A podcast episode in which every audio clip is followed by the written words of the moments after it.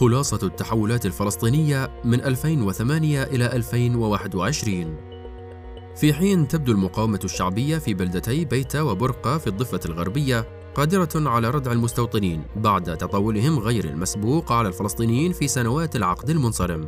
وتحديدا من بعد الانقسام الفلسطيني وفرض سياسات متعارضة مع مبدأ المواجهة في الضفة الغربية. فإن المقاومة في قطاع غزة تجري مناوراتها المشتركة التي تضم فصائل المقاومة مجتمعة تحت عنوان الركن الشديد اثنين فيما يبدو استعدادا لمواجهة محتملة مع الاحتلال الذي أعلن بدوره عن استعداده لمواجهة من هذا النوع. وذلك في ذكرى معركة الفرقان كما سمتها المقاومة الفلسطينية أثناء تصديها لعدوان الاحتلال الذي سماه الرصاص المصبوب. وامتد من السابع من كانون الأول ديسمبر عام 2008 إلى الثامن عشر من كانون الثاني يناير عام 2009 قد يبدو المشهد الفلسطيني ثابتا باستمرار الانقسام وما يتصل به من حصار لقطاع غزة. ومواصلة السلطة الفلسطينية لسياساتها ومضي موازين القوى الإقليمية والدولية الخادمة للاحتلال على حالها. بيد أن المشهد العام ينطوي على تحولات مهمة وإن بدت بطيئة.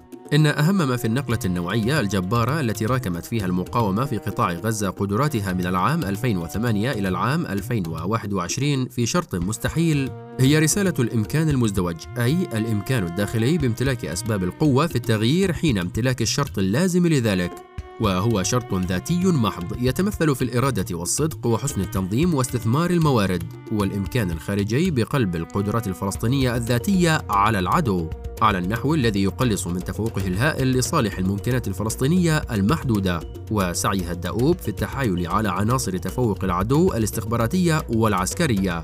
وبما يتصل بهما من قدرات تكنولوجية لا يمكن للمقاومة امتلاك شيء منها.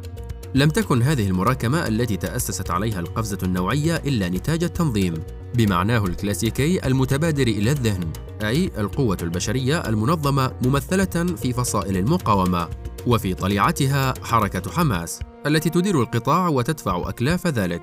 ثم قوة العقل المنظم وهي قوة مركبة من الاستثمار الأمثل للموارد وتوظيف الكفاءات وفهم العدو وإبداع الأساليب القادرة على التحايل على تفوقه.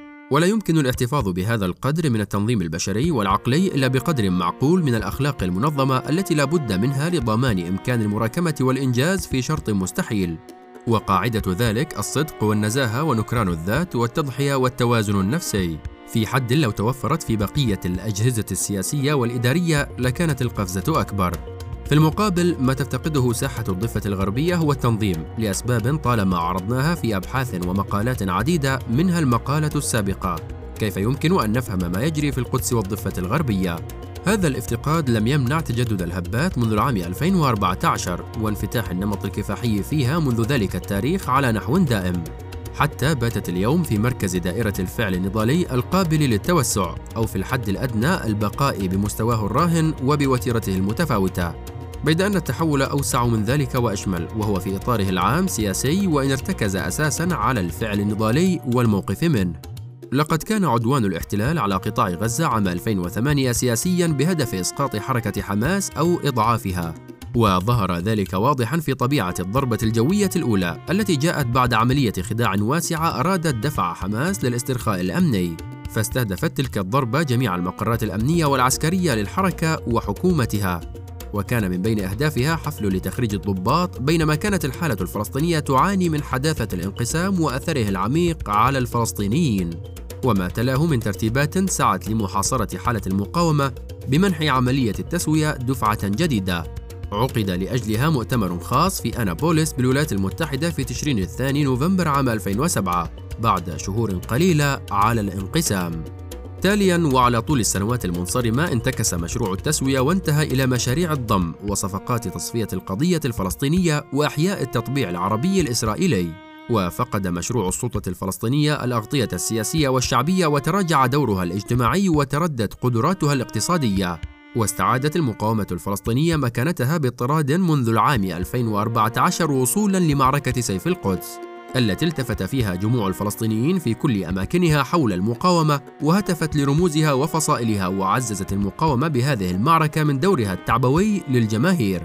الأمر الذي ما تزال مفاعله حاضرة كما هو المشاهد في ساحة الضفة الغربية وقد تتعاظم لا سيما والحالة الصهيونية أقل تماسكا والمنطقة والعالم أكثر سيولة فعلى قسوة معطياتها الراهنة فليست في جمود واستقرار وصلابة ما قبل الثورات العربية. وما قبل الحيرة الإقليمية الجارية.